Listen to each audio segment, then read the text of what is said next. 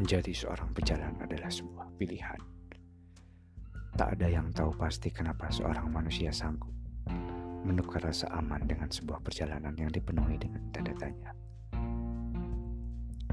Seorang pejalan hanya bisa terus melangkah hingga lelah dan kelak menemukan banyak sekali hal-hal indah ketika melakukannya.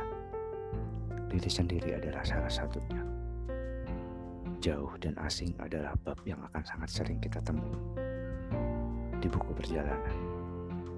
Terus membaca adalah satu-satunya pilihan untuk tetap hidup, tetap dekat.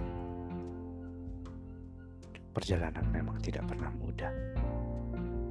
Pasti banyak cerita yang tidak menyenangkan di dalamnya.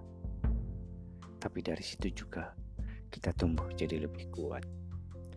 Jika kau seorang pejalan, maka berceritalah tentang apa yang telah diberikan perjalanan kepada kita, mulai dari tabah hingga benci, agar semakin banyak pejalan yang mencintai perjalanan dan sekitarnya. Karena menjadi seorang pejalan yang bercerita adalah sepenuhnya pejalan.